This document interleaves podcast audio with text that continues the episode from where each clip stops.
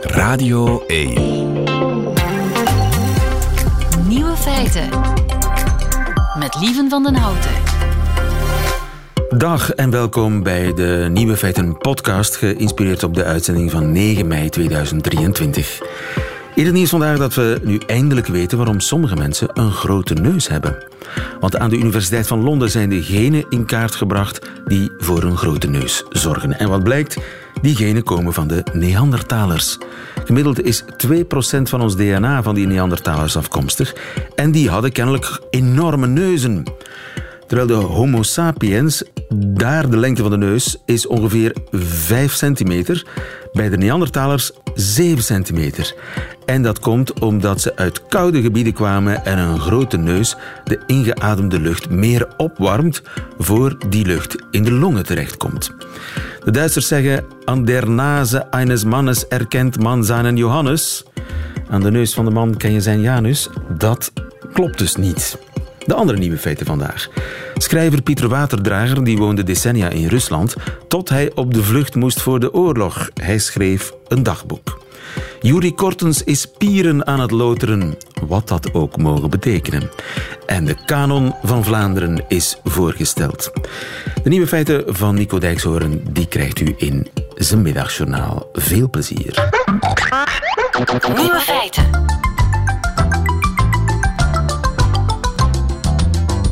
Als in februari vorig jaar Rusland Oekraïne binnenvalt, stort de wereld van Pieter Waterdrinker in. De schrijver woont al decennia in Rusland en besluit om te vertrekken naar Frankrijk.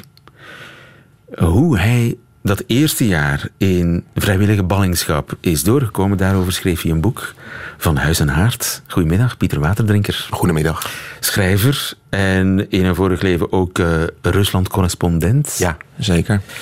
Staan je huis en haard, zoals je boek heet, staat dat nog in Rusland?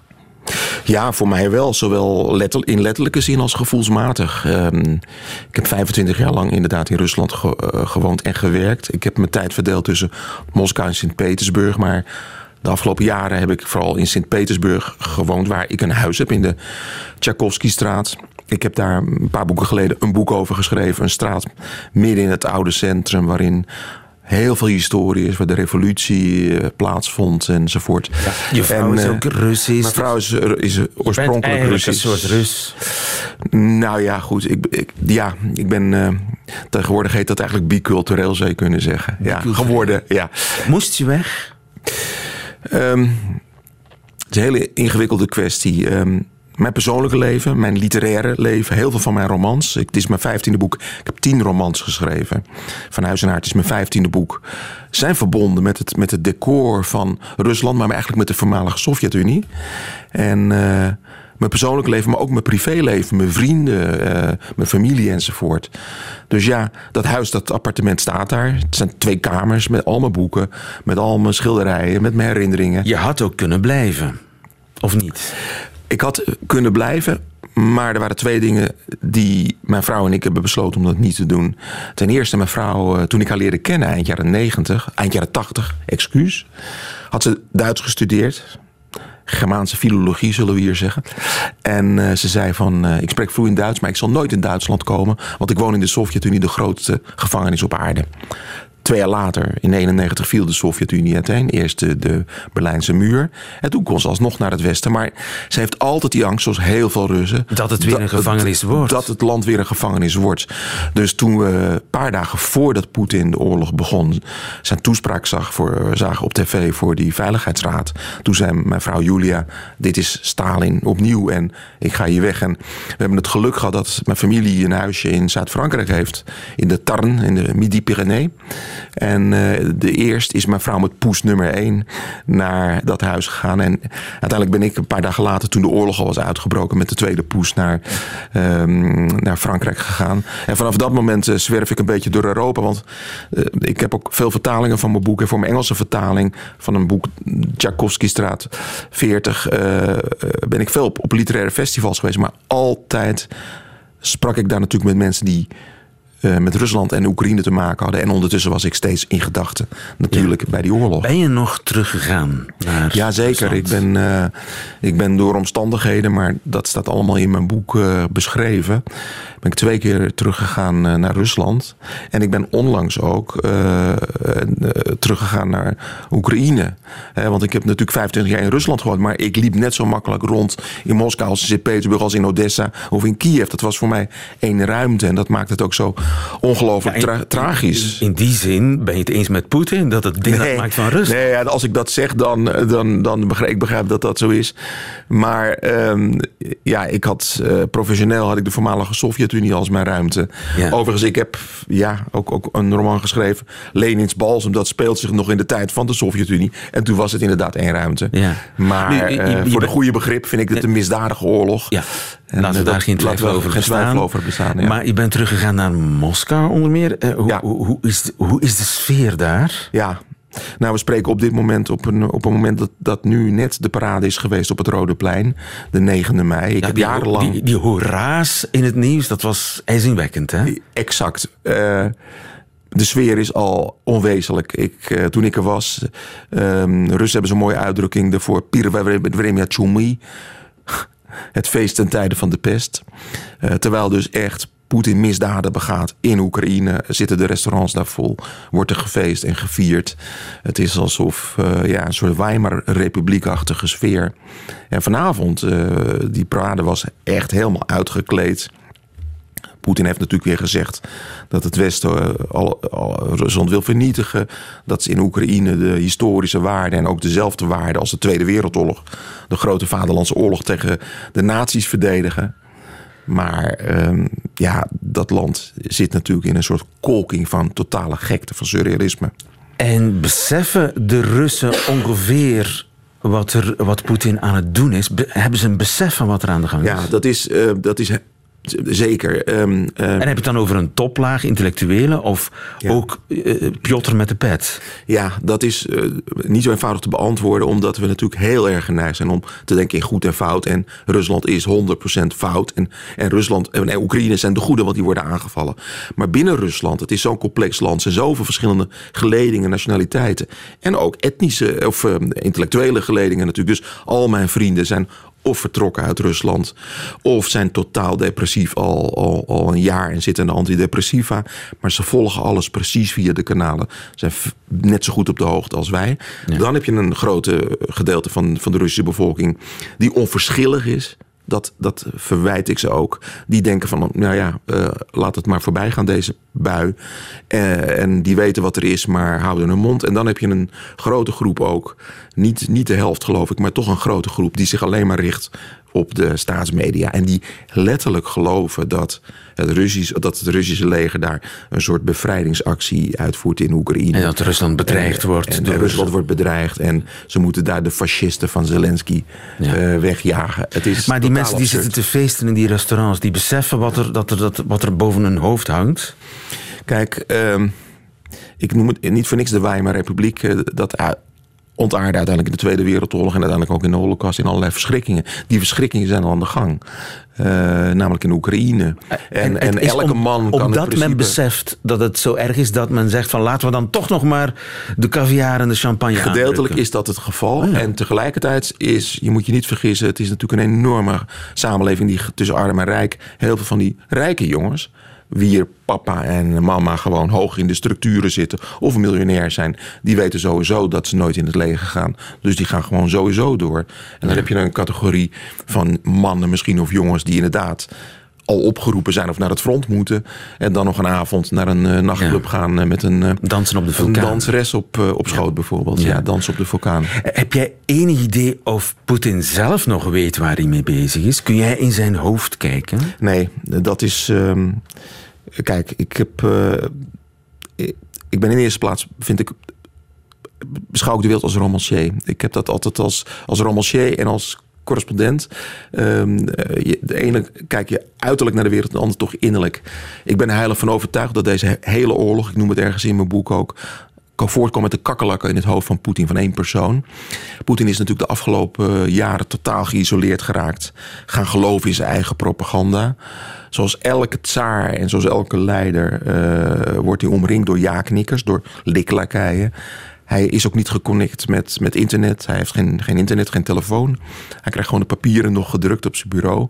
En heel veel feitelijkheden worden gewoon niet aan hem meegedeeld. Dus hij heeft een verwrongen beeld van de werkelijkheid. En dat dus is ook de reden waarom hij die beslissing heeft genomen om Oekraïne in te vallen. Hij was er werkelijk van overtuigd, op basis van valse inlichtingen, dat hij binnen drie dagen Kiev zou innemen.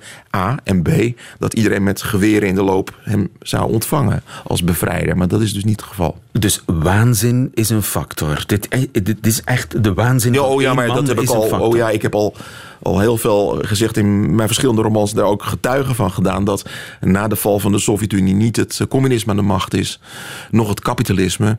Maar het surrealisme, de gekte, die, die was al lang aan de macht. Trouwens, ten tijde van de 19e eeuw, als je Gogol Dode Zielen leest ook. En uh, dat was vaak vermakelijk, maar die gekte, die, dat, die dat is surrealisme. Dat surrealisme dat is, is, nu ontaard in een nachtmerrie die in eerste instantie het, het Oekraïense volk meesleurt. In tweede instantie ook het Russische volk, want Poetin sleurt zijn eigen volk ook mee de afgrond in. Het heeft alle op ontnomen.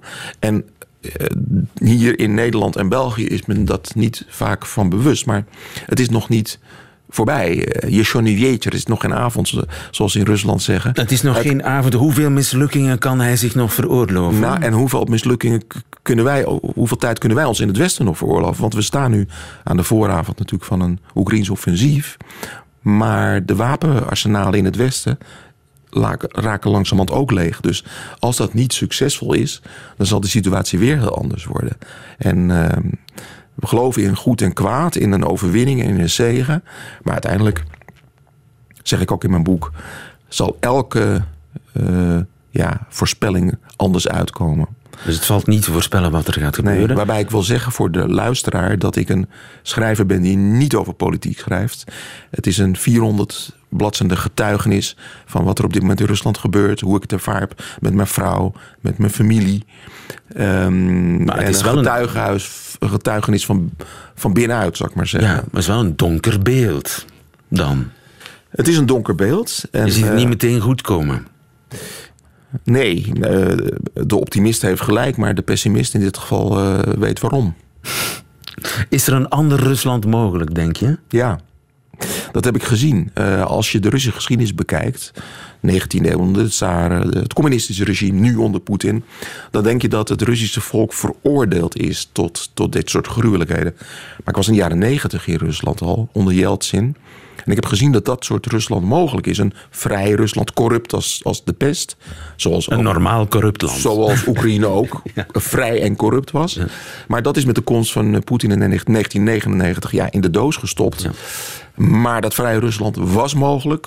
Ik heb het acht jaar lang gezien. En de vraag is of dat of een soort vakantie was. Of nou ja, goed, heel veel Russen die ik ken, uh, dat is natuurlijk vaak ook weldenkende Russen, die ook die ondernemen, die zaakjes hebben enzovoort, die hebben echt genoeg van die corruptie, van die onderdrukking. En uh, het, mijn vrees is dat na het einde van de oorlog, want elke oorlog eindigt uiteindelijk altijd met een vrede of een wapenstilstand, dat iedereen naar Oekraïne gaat terecht om daar te helpen, ook als toerist naar Odessa, naar Kiev. En dat Rusland een soort zwart gat wordt, zoals, zoals Duitsland na de Tweede Wereldoorlog. En dat begrijp ik heel erg goed. Maar we zullen, in, we zullen in de toekomst ook weer verder moeten. En ja, de oorlog begint pas als hij voorbij is. Dat is mijn stellige overtuiging. En dan ga jij terug naar Sint-Petersburg? Ik hoop het wel. Ik, ik zal niet meer permanent daar zijn. Maar uh, ik heb mijn, mijn, persoonlijke lot, mijn literaire lot zou je kunnen zeggen, ook aan dat gebied uh, verbonden. Dus ja, dat zal in mijn lijf dan wel door blijven gaan. Van Huis en Haard, zo heet jouw nieuwe boek. Pieter Waterdrinker, mag ik je hartelijk danken voor dit gesprek. Goedemiddag. Zeer veel dank.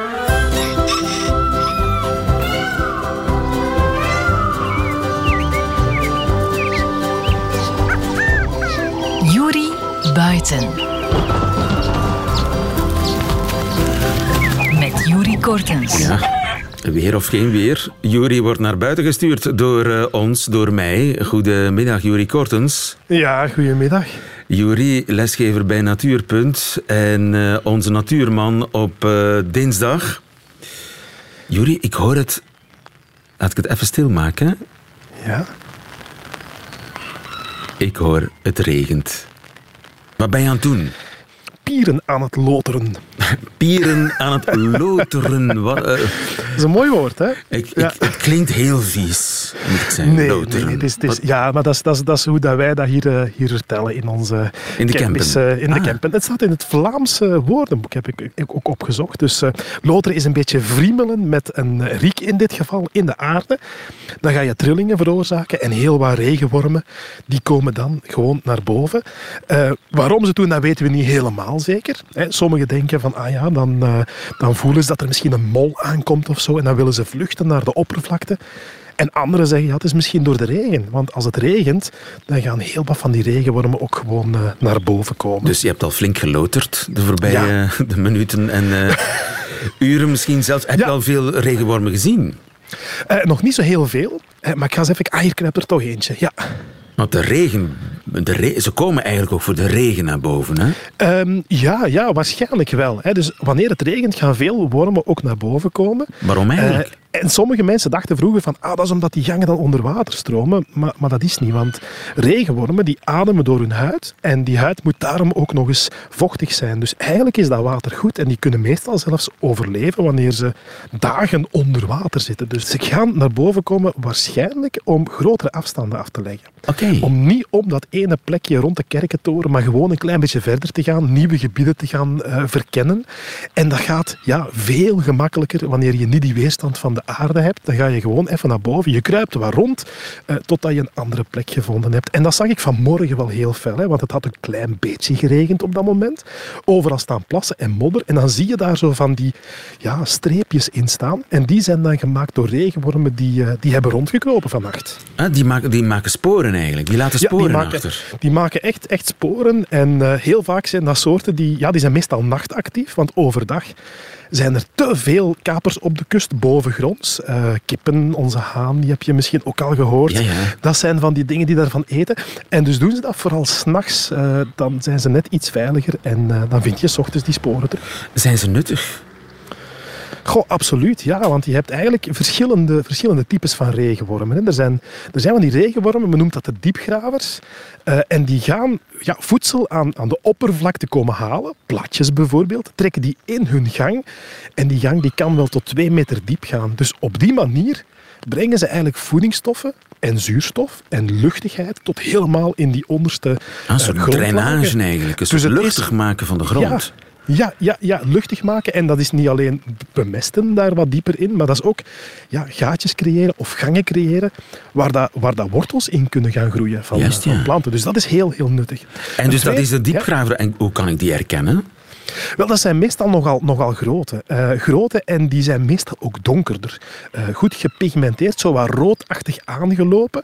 Dat is niet omdat ze buiten adem zijn, maar dat is vooral omdat er heel veel hemoglobine in hun, uh, in Ja. hun lichaam zit. En die, en die, die graven dus verticaal twee meter de, de Ja. grond in. Ja, ja, die graven daar. En eh, wat, ze, wat ze wel doen, is wanneer ze eh, naar het toilet moeten, dan komen ze naar boven en laten ze daar van die typische eh, hoopjes achter.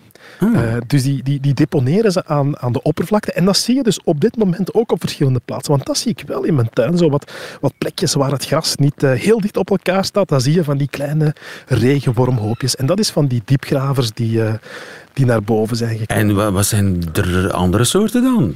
Wel, je hebt nog soorten die dat eh, in, in de, de, opperst, de, de bovenste lagen gaan, eh, gaan fourageren. Eh, er zijn eigenlijk met de meeste. Dus de bovenste 20, 30 centimeter van de grond, de zwarte aarde, laat ons maar zeggen, daar zit heel veel ja, restanten, afval, humus in. En zij gaan, zij gaan dat eten. Dus ze, ze, ze graven zich als het ware een weg. Ze eten ook dat zand mee op, maar daar zitten ook nog heel wat ja, voedzame dingen in. Dus dat zijn de, de bodemwoelers, worden die dan wel eens genoemd. Ah ja. En dan heb je nog een andere groep, en daar ga ik eens even voor naar mijn composthoop, want dat is een, een groep die dat, uh, ook heel nuttig werk levert. Dat zijn regenwormen of aardwormen, want in het Engels zeggen ze earthworms, uh, die eigenlijk niet in de aarde zitten, maar, uh, maar gewoon in ja, afval onder bladeren, composthopen. Ah ja, die blijven boven. ja, die blijven boven. Die houden eigenlijk niet zozeer van, van die dingen. Ah ja, en hier zit het eigenlijk wel vol. Die zijn ook zo wat gestreept. Ze noemen die in het Engels ook wel eens tijgerwormpjes. Uh, dus die, die zitten er massaal, massaal in, uh, in de composthopen. Zijn we daar blij mee dat die daar zitten? Ja, want anders zou het composteerproces uh, ah, ja. niet kunnen lukken. Dus zij, zij zijn een cruciale rol om bijvoorbeeld grotere fragmenten als bladeren fijn te maken, zodat daarna bacteriën en schimmels de rest kunnen doen. En dat helemaal tot compost en later tot humus kunnen verwerken. Dus ja, ze zijn, ze zijn superbelangrijk uh, op dat niveau. Wauw. Dus een cruciale rol spelen ze. Uh, ze zijn natuurlijk ook voedsel hè, voor vogels, voor, ja, voor je haan waarschijnlijk ook. Uh. ja, ja, ja voor, heel, heel wat dieren. En ja, er zijn toch wel een paar bij waar je het misschien niet zou verwachten. We weten allemaal, mollen die eten heel veel regenwormen. Die leggen zelfs voorraden aan van de regenwormen door er een stukje af te bijten van de kop, zodat ze niet kunnen graven. Maar bijvoorbeeld vossen, bijvoorbeeld, die eten ook best wel wat regenwormen. of de ooievaar. Dat is zo echt een typische regenwormeter. Van, van het weekend zag ik hem nog. En dat was de ene na de andere. En als die dan braakballen produceren, dan zit dat vol met, uh, met zandkorrels. Eigenlijk zijn dat compacte balletjes die heel, heel veel uh, zand daarin hebben. Ah ja. Dus de, de, de inhoud van zo'n worm, dat is zand? Ja, de binnenkant wel. En de mol heeft daar iets op bedacht. Hè. Dus die gaat, uh, die, gaat die, die ene kant van, of de kop van de, van de regenworm gaat hij tussen zijn tanden stoppen. En dan pakt hij zijn grote voorste mollenpoten en duwt die dan uh, helemaal leeg. Dus die gaat hij de eerst... smurrie eruit. De smurrie eruit, zoals uit een chipolata worstje. En dan eet hij uh, Alleen het vel op. Alleen het vel. Ah, ja. en dat is, dat is toch, dat is toch deel. Ja, ja, ja. ja. De, rest, de rest is niet... En dan ga je, dat gaat tussen je tanden zitten en dan slijt hij je tanden vanaf. Dus hij probeert dat zoveel mogelijk Die, te Dat zand dat, uh, moet hij niet hebben. Dat, is, uh, dat vindt de mol niet lekker. Nu, uh, de nee. mol bijt de kop eraf. Maar ja. ik, ik heb altijd gedacht dat als je een worm door midden snijdt, dat, ja, de rest, dat je er gewoon twee wormen hebt. Um, dan heb je twee wormen, maar de vraag is hoe lang blijven die stukken dan leven? En eigenlijk gaan ze in de meeste gevallen gewoon alle twee dood. Ah, ja. Dus dat is een beetje een fabeltje dat die dan alle twee terug aangroeien, dat je twee wormen krijgt. Maar wat wel uh, werkt, is dat, dat regenwormen toch wel een heel groot regeneratievermogen hebben. Dus als er van achteraan, aan het achterste van, van dat lichaam, een paar van de segmentjes, want die zijn allemaal kleine ringetjes waar het bestaan, als die eraf worden gebeten of gesneden of wat dan ook, uh, dan kan die worm nog wel ontsnappen. En als het dan goede omstandigheden zijn, het is warm genoeg en vochtig genoeg, dan kan die dat inderdaad terug laten aangroeien. Maar dat duurt ook maanden. Het is niet dat die dat uh, met plezier en gemakkelijk doet. Jori, hebben wormen seks? Haha, ja, en het is, uh, het is vooral in Soissons-neuf-stand. ja, het is, het is een heel met bijzonder... goedkeuring van de regering. Ja, allemaal. Dat mag, dat mag. Het is, uh, dat mag gewoon. dat mag. Het moet, het moet zelfs. Maar en het heb is, je mannetjes en vrouwtjes? Uh, je, hebt, je hebt mannetjes en vrouwtjes. Ja, ze zijn allebei gelijk. Ze zijn als het ware hermafrodiet, ook zoals dat, dan heet. Ja, ook dat nog. En je herkent een volwassen regenworm omdat die zo een verdikking, zo ergens ja, op, op een vierde aan de voorkant van dat lichaam is er zo een verdikking, dat wordt het zadel genoemd. Het zadel. Uh, het zadel. En die gaat daar slijm mee produceren. En die zadels, daar gaan ze ongeveer mee tegenover elkaar liggen, maar dan, uh, maar dan in Soissons-neuf. En dan gaan ze uh, slijm afscheiden. Dat slijm dat gaat dan via uh, poriën waar mannelijke voortplantingscellen in zitten, waar zaadcellen in zitten. En dan delen ze dat met elkaar. Ze geven dat als het ware aan elkaar door. En dat kan wel even duren. Drie tot vier uur zijn ze daarmee bezig. Dus uh, Wacht, ze, het moet blijkbaar ze wisselen sperma uit eigenlijk? Ja, ja, ja, ze wisselen sperma uit. En dan is er nog niet meteen een bevruchting, maar een paar dagen later meestal, dan komen de eicellen tot ontwikkeling. En dan gaat die uh, via dat zadel ook weer heel veel slijm afscheiden. Kruipt achteruit uit zijn slijmprop. En de zaadcellen die komen dan uh, daarin te liggen. Daarna ook de eicellen. En die worden in die slijmprop bevrucht. En dan wordt dat een soort van kokonnetje waar dat, uh, ja, enkele jonge regenwormen in zitten. En ze Ja. kunnen dat nog herhalen tot maanden nadat ze eh, die paring gehad hebben. En dan, ja, na een, een half jaartje of zo, moeten ze nog eens opnieuw eh, bij iemand langs. Oké, heeft een, een regenworm oren?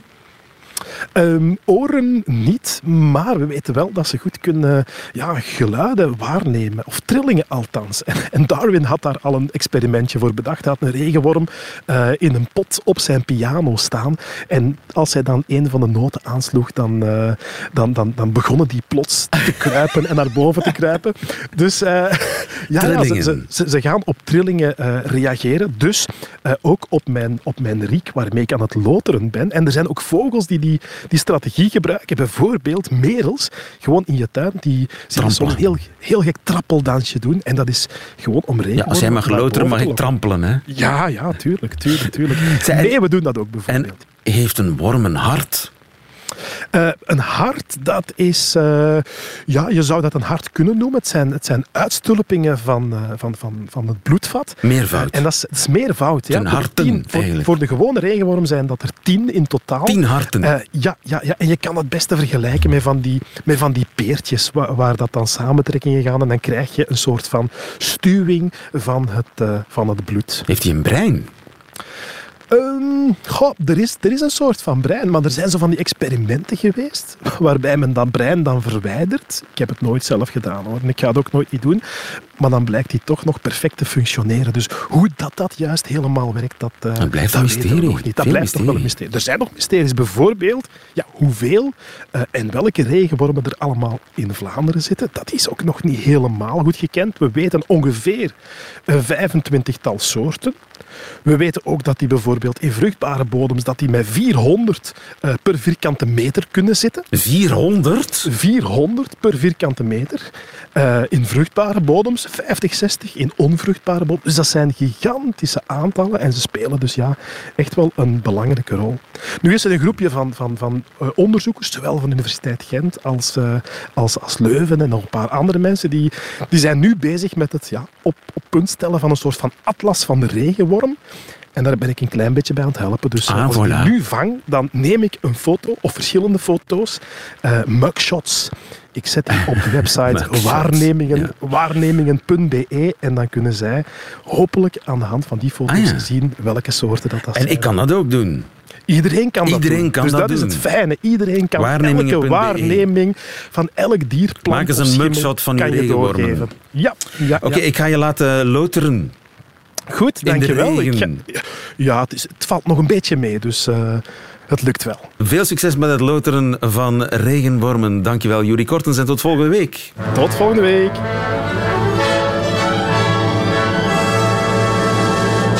Nieuwe feiten. Eindelijk is hij er later dan verwacht. Er is jaren aan gewerkt door negen experts en nu is hij voorgesteld op een mijnsite in Genk. De kanon van Vlaanderen. Joris Vergeide, goedemiddag. Dag lieven. Cultuurman van VRT Nieuws. Wat is de kanon van Vlaanderen? Ja, ik zal je zeggen wat het niet is. Dat is in deze eh, misschien nog belangrijker. Want in de zomer van 2019 werd die zo'n beetje voorgesteld als ja, dat gaat een inventaris worden wat typisch Vlaams is. Ik weet niet of je je dat nog herinnert, maar FC de kampioenen, balletjes in tomatensaus. Balletjes dat in tomatensaus, dat is een allemaal- voorstel passeerde toen eh, de allemaal de revue. Ja. Exact. Dat zit er dus niet in voor alle duidelijkheid. De commissie zegt dat is geen poging geworden om de Vlaamse identiteit te vatten. Het is geen eh, lijstje met allemaal dingen van, eh, van vandaag. Dus geen FC de kampioenen in de kanon van Vlaanderen. Zeg ook, ze hebben liever niet dat je Vlaamse kanon zegt, maar dus kanon van Vlaanderen. Kanon van Vlaanderen, zoals het verhaal van. Vlaanderen, eh, de kanon van Vlaanderen. Je hebt al gezegd wat het niet is, wat is het wel? Dat is eh, een, een, een inspiratie voor een respectvolle dialoog. Laat dit Een is inspiratie om- voor een respectvolle dialoog. Ja, ja, dat soort zaken, dat heb ik daarnet gehoord Dat op de begrijp ik presentatie. Dit is om te gebruiken in het onderwijs. Dit is een startpunt, Welk observatie. Geschiedenis. Eh, Ben Wijts, die ik daarnet, minister van Onderwijs, sprak, die zei, ja, dit is niet alleen geschiedenis, maar ook in het, Ne- het vak Nederlands kan je dit gebruiken. Archeologie, eh, dat hebben ze niet met aardrijkskunde, dat zit daar dan wel weer bij. Geschiedenis, het zijn allerlei eh, vakken waar je dit dan eh, zou kunnen eh, gebruiken. En het is een lijst met 60 onderdelen. Ja, geen 50, dat had ze oorspronkelijk gezegd, maar dus 60. En je hebt ook de kanon van Nederland. En dan zie je dat op een, op een website staan, heel chronologisch. En zo hebben ze het ook opgebouwd. Alleen dus geen 50, maar 60 uh, vensters. En als je dan kijkt, het begint uh, met uh, een plek in de wereld. Dus 12.000 jaar geleden. Net zoals het verhaal van Vlaanderen van Tom Waas trouwens ook 12.000 jaar geleden begon. En dan de Neandertalers in de Maasvallei. dan gaan we verder naar de eerste landbouwers met een nederzetting van Rosmeer. We hebben de Kelten op de Kemmelberg. Dus je voelt dat dat soort dingen zijn die vroeger in een vak geschiedenis wel eens ja. ter sprake dus kwam. Het is, het is toch een soort geschiedkundige kanon. Maar dan wordt het interessanter, omdat ze dan ook, net omdat ze er dus uh, tien bij hebben kunnen flansen, zit daar ook Paula Semer tussen. Uh, en Paula is dan. Paula Semer. Die, Paula okay. Semer, de allereerste omroepster van ja? TV-pionier. Televisie als venster op de wereld staat daar dan bij. Dus dat is dan het begin van televisie en Paula Semer wordt daar dan uitgekozen. Er zitten geen levende personen in de lijst, dat is ook een bewuste keuze. Uh, dus uh, je, hebt, uh, je hebt, als ik even kijk, Le Plapéi van Jacques Brel bijvoorbeeld, maar Wiltura, die zal er dan nog niet in staan. De keizer ja. van het Vlaamse lied, voorlopig en hopelijk nog lang niet. En als je dan nog eens kijkt, ja, Vlaanderens mooiste, de Ronde van Vlaanderen, wielrennen, zit daar dan ook ook in. Als er iets typisch Vlaams is, en nu zeg ik het toch zelf, ja, dan is het wel uh, wielrennen. Dus ja. je, je, merkt dat het is een beetje een, een slap koord te zeggen van het is geen inventaris, maar uiteraard is het natuurlijk wel een, een, een opsomming of een selectie van wat ons bepaalt. Ja, waar wij trots op zijn dat is dan in elk geval wat de politiek zegt. Hè. Laat ons hier inderdaad fier op zijn. Laat ons zonder, uh, zonder scrupules kijken naar wat ons allemaal heeft, heeft gemaakt. En laat ons daar dan over discussiëren. En nu pas is die kanon er. Nu pas kunnen we erover beginnen discussiëren. Ja. Want je weet dat we er al jaren over bezig zijn. Hij is er pas vandaag. Hè. Ja, het initiatief kwam ook overigens van de Vlaamse regering. Voornamelijk onder impuls van de N-VA, toch? Hè? Klopt, klopt, klopt. En de voogdijminister is uh, minister van Onderwijs Ben Wijts. En die hoopt dus ook echt heel hard dat het gebruikt zal worden in het onderwijs en ook bij uh, inburgeringstrajecten Ja. voor nieuwkomers. Dat dit een soort Dus van daar dient het ook voor. Ja, maar niet om examens eh, mee af Nee. te nemen. Het is niet als je die 60 niet kent dat je eh, niet, eh, niet door mag of dat je niet eh, Vlaanderen binnen mag. Maar dan is het toch een soort van inventaris van wat Vlaanderen is. Terwijl je Het net zei, dat is het niet. dat. ik zeg het, het is een heel slap koord. Het is moeilijk. Ik vind dat het ruimer dan ik- dat is. Ik begrijp Ja. het niet zo goed. Want lintbebouwing staat daar ook op. En, En het daarnet woord hadden we het goesting ook. goesting. En dat zijn ook allemaal dingen waar wij dan trots op zijn. Wel, het- als het gaat over de, de Tweede Wereldoorlog, de Eerste Wereldoorlog, als het gaat over het kolonialisme, zijn dat niet noodzakelijk dingen waar we dus dan het, het trots op gaat moeten eigenlijk zijn. niet over dingen waar we trots op zijn. Nee, het is ruimer dan dat. Oké. Goed. eh Mark Reinebo, goedemiddag. Middag. U bent historicus en journalist. Ja. Heeft u de kanon al kunnen bekijken? Dankjewel, Joris. Joris. Eh, Ik heb eh, eh, heel snel kunnen kijken, want blijkbaar was het een groot staat hè, met embargo's en zo. Maar goed, ik heb er een, al een eerste blik kunnen ontwerpen, over opwerpen en, en ja, toch een paar indrukken opgedaan. En wat mij eigenlijk vooral opviel, en, en, en Joris bevestigt dat, dat is toch die slappe koord, die dubbelzinnigheden van het mag blijkbaar niet Vlaams zijn, maar wel van Vlaanderen. Het is iets om trots op te zijn en niet trots op te zijn. En in die dubbelzinnigheid is heel die kanon geboren, want het is inderdaad een, ja, een initiatief van de Vlaamse regering geweest, eh, en met name van de N-VA. En dan eh, merk je toch een dubbelzinnigheid. Aan de ene kant staat dat ook in het regeerakkoord, eh, ook wat dan het verhaal van Vlaanderen, die televisieserie op 1, eh, VRT1 moet ik nu zeggen, is geworden. Ehm, het staat dus ook in dat regeerakkoord onder het hoofdstuk identiteit, zelfbewustzijn, dat moet gepromoveerd worden, et cetera. Eh, terwijl dan de makers van de kanon zeggen van nee, dat is niet onze bedoeling. Maar de opdrachtgevers zeggen ja, dat, dat is eigenlijk wel de bedoeling. Het staat zelfs zo letterlijk meerdere keren zelfs Ja. in het regeerakkoord. Dus Staat, die, Is dubbelzinnigheid een van die vensters? ik denk dat ja, ook omdat het eh, heel moeilijk is om te definiëren wat is nu Vlaams en wat is, ja, staat in een bredere context. De, de Belgische context, de context van de zuidelijke Nederlanden, van de Nederlanden in het algemeen. En dat blijft vaak zo nogal in Ja. het ongewisse. Omdat ja, Vlaanderen is toch maar een heel recent concept. Uh, dat dateert van de 19e eeuw. En Vlaanderen zou niet bestaan als België niet bestond. Uh, dus dat blijft vaak wat in het ongewisse hangen. En ik heb daar een mooi, mooi voorbeeldje van gevonden. Er is één item dat gewijd is aan meisjesonderwijs. En dat is een interessant item. Uh, is dat een van de 60? Een van de 60, Meisjesonderwijs, Wel, okay. Het is opgehangen aan de figuur van Marie Belpaire. Die een bekende figuur is in de, in, laten we zeggen, de katholieke Franse beweging. Waar ze doorgaans als juffrouw Belpaire wordt uh, genoemd. Maar zij heeft dus onderwijs voor meisjes gestimuleerd, wat niet zo evident was in de late 19e eeuw. Uh, maar dan wordt niet vermeld dat dergelijke initiatieven al eerder werden genomen door misschien bekende namen, Marie Popelin, uh, Isabelle Gatti de Gamon, weliswaar in het Brusselse stadsonderwijs, in het Frans, maar Belpaire is ook begonnen met lessen in het Frans en later dan die initiatieven in, in Brussel. Dus je kan je afvragen, als je dit nu belangrijk vindt, en het is belangrijk, dan, moet, dan is de vraag, ja, waarom wordt niet gesproken over eerdere initiatieven? En dan kan je stellen, ja, natuurlijk wordt dat hier een beetje ik zal nu het woord verdoezeld gebruiken, omdat het Belgisch is en Franstalig, terwijl Marie Belpaire dan wel Vlaams is weliswaar ook aanvankelijk Franstalig. Dus die dubbelzinnigheid die komt wel vaker voor in, uh, uh, zoals ik het zie. Hetzelfde trouwens met, met de keuze van, uh, ja, hoe, hoe presenteer je nu die vensters, heet dat, en die 60 items die dan gebruikt worden. Soms zijn dat heel bekende clichés. Ik zeg maar iets, 1302 komt erin voor. Ja. aan de andere kant is er dan een itempje dat opgehangen is aan een figuur die Paul Panda Farnana heet, die jij waarschijnlijk niet kent. En ik zal het toegeven, die mij ook amper bekend was. Zeg de naam nog eens. Uh, Paul Panda Fernana. En dat Paul is, Panda Fernana. Ja, dat is ook een item, een van die 60 vensters. En dat is iemand, dat is een Congolees die uh, in België een, een uh, laten we zeggen, een eerste criticus van het kolonialisme was. En pas in een veel later stadium in datzelfde venster komt dan ook bijvoorbeeld Lumumba, Patrice Lumumba uh, te sprake. Um, en ja, zo iemand als Fernana, die is totaal onbekend. De, Paula Semer kun je denken, ja, die kennen mensen wel. 1302, ja, dat kennen wij ook.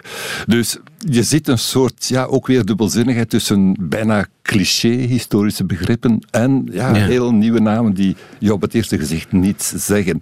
En die dubbelzinnigheid blijft hier ook, ook vaak hangen, waarbij je dan de vraag kan stellen, ja, deze, uh, deze Congolees, in hoeverre is hij representatief voor de kritiek op het koloniale regime? Dat is dan weer een andere vraag. Maar goed, die discussie, dat is natuurlijk onderdeel van zo'n kanon en dat, dat maakt zo'n kanon ook aantrekkelijk natuurlijk, dat er over gediscussieerd wordt. Dat is een, ook een deel van het doel, neem ik aan. Eh, dat, uh, dat wordt zo gesteld. Je kan natuurlijk wel de, eh, de, de vraag stellen of zo'n kanon ook niet, uh, laat ons zeggen, de krijtlijnen aangeeft en dus beperkend is voor de discussie. Ik zal een ander voorbeeld geven. Dat gaat over de Tweede Wereldoorlog. En ehm, dat is natuurlijk in de, laten we zeggen, in de Vlaams-nationale geschiedenis een heikel punt omwille van de collaboratie.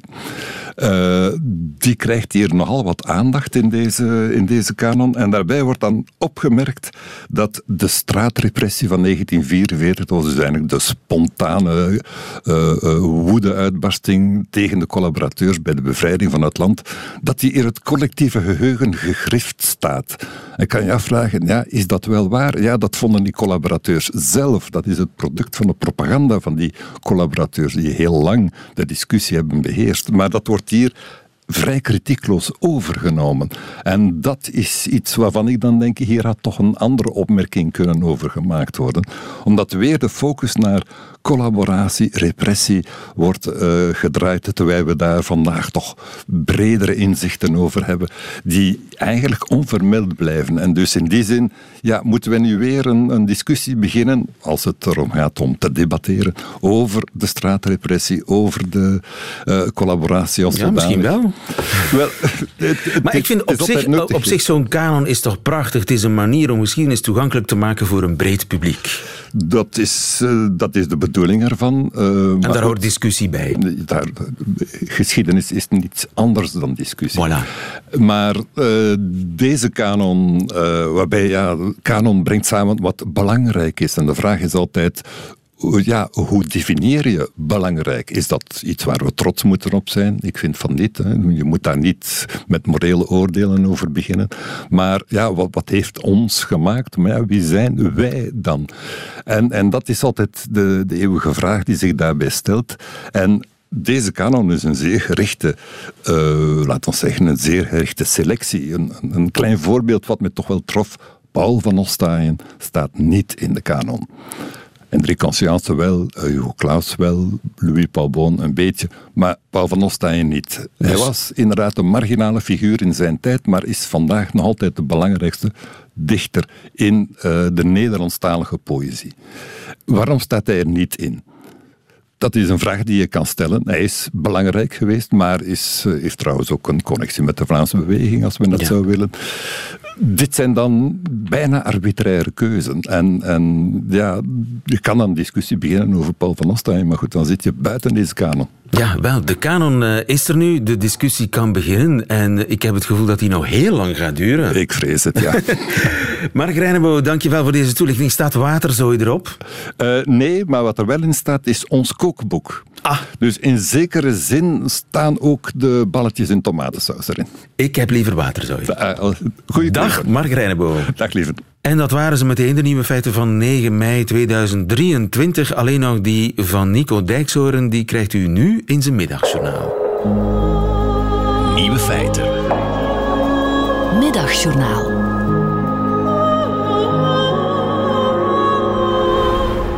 Beste luisteraars, een jaar of tien geleden was ik samen met Tanja in Lissabon. En wij logeerden in een appartement dat precies drie meter boven de populairste gedoogplek heroïneverkoop bleek te liggen. Tanja en ik, wij zaten op ons balkon en we luisterden naar de woeste onderhandelingen vlak onder ons. Ik probeerde, terwijl ik net deed alsof ik een boek las, er heel erg niet uit te zien als een Portugese undercover agent. Maar ondertussen worstelde ik met een heel andere verslaving. Van de vier dagen die wij in Lissabon verbleven, heb ik drie dagen lang samen met Tanja gezocht naar de beste fles witte port. Zo zat dat in mijn hoofd. Als je in Texas bent, dan ga je stukken vlees van anderhalve kilo zitten eten. En als je in Polen bent, dan eet je de beroemde Śliwice Wadzili. Dat is een soort varkensworst gevuld met rauw kippenvlees.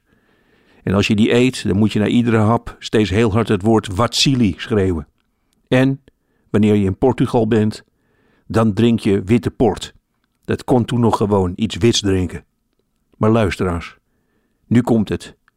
Overal waar wij witte port bestelden, werden we uitgelachen. Of we werden meteen de winkel of het café uitgezet.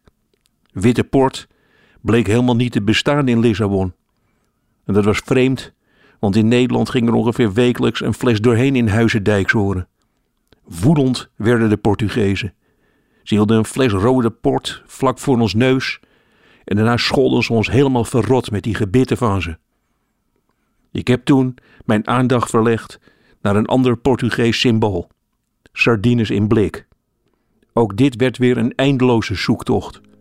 Ik had in een vrouwentijdschrift ooit ergens gelezen dat er in Lissabon een winkeltje zat waar ze allemaal vintage blikjes sardines verkochten. Een lang verhaal kort, luisteraars. Ik heb 34 blikjes sardines gekocht. Mijn koffer kleefde op de luchthaven gewoon vast aan een magneet. En luisteraars, u raadt het al. Al die blikjes, die zijn ergens achter hier in een keukenkastje in Leiden verdwenen. Ik heb ze zojuist afgestoft en ze liggen nu voor me op tafel. Als ik ze nog 30 jaar bewaar, zijn ze net zo gewild als de heroïne vlak onder ons appartement in Lissabon.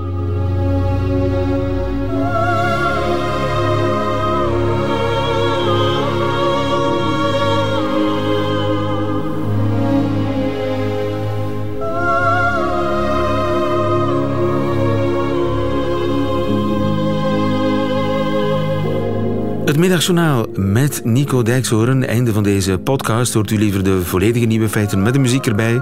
Dat kan natuurlijk elke werkdag live tussen 12 en 1 op Radio 1. Of on demand via de Radio 1 website of app. Tot een volgende keer.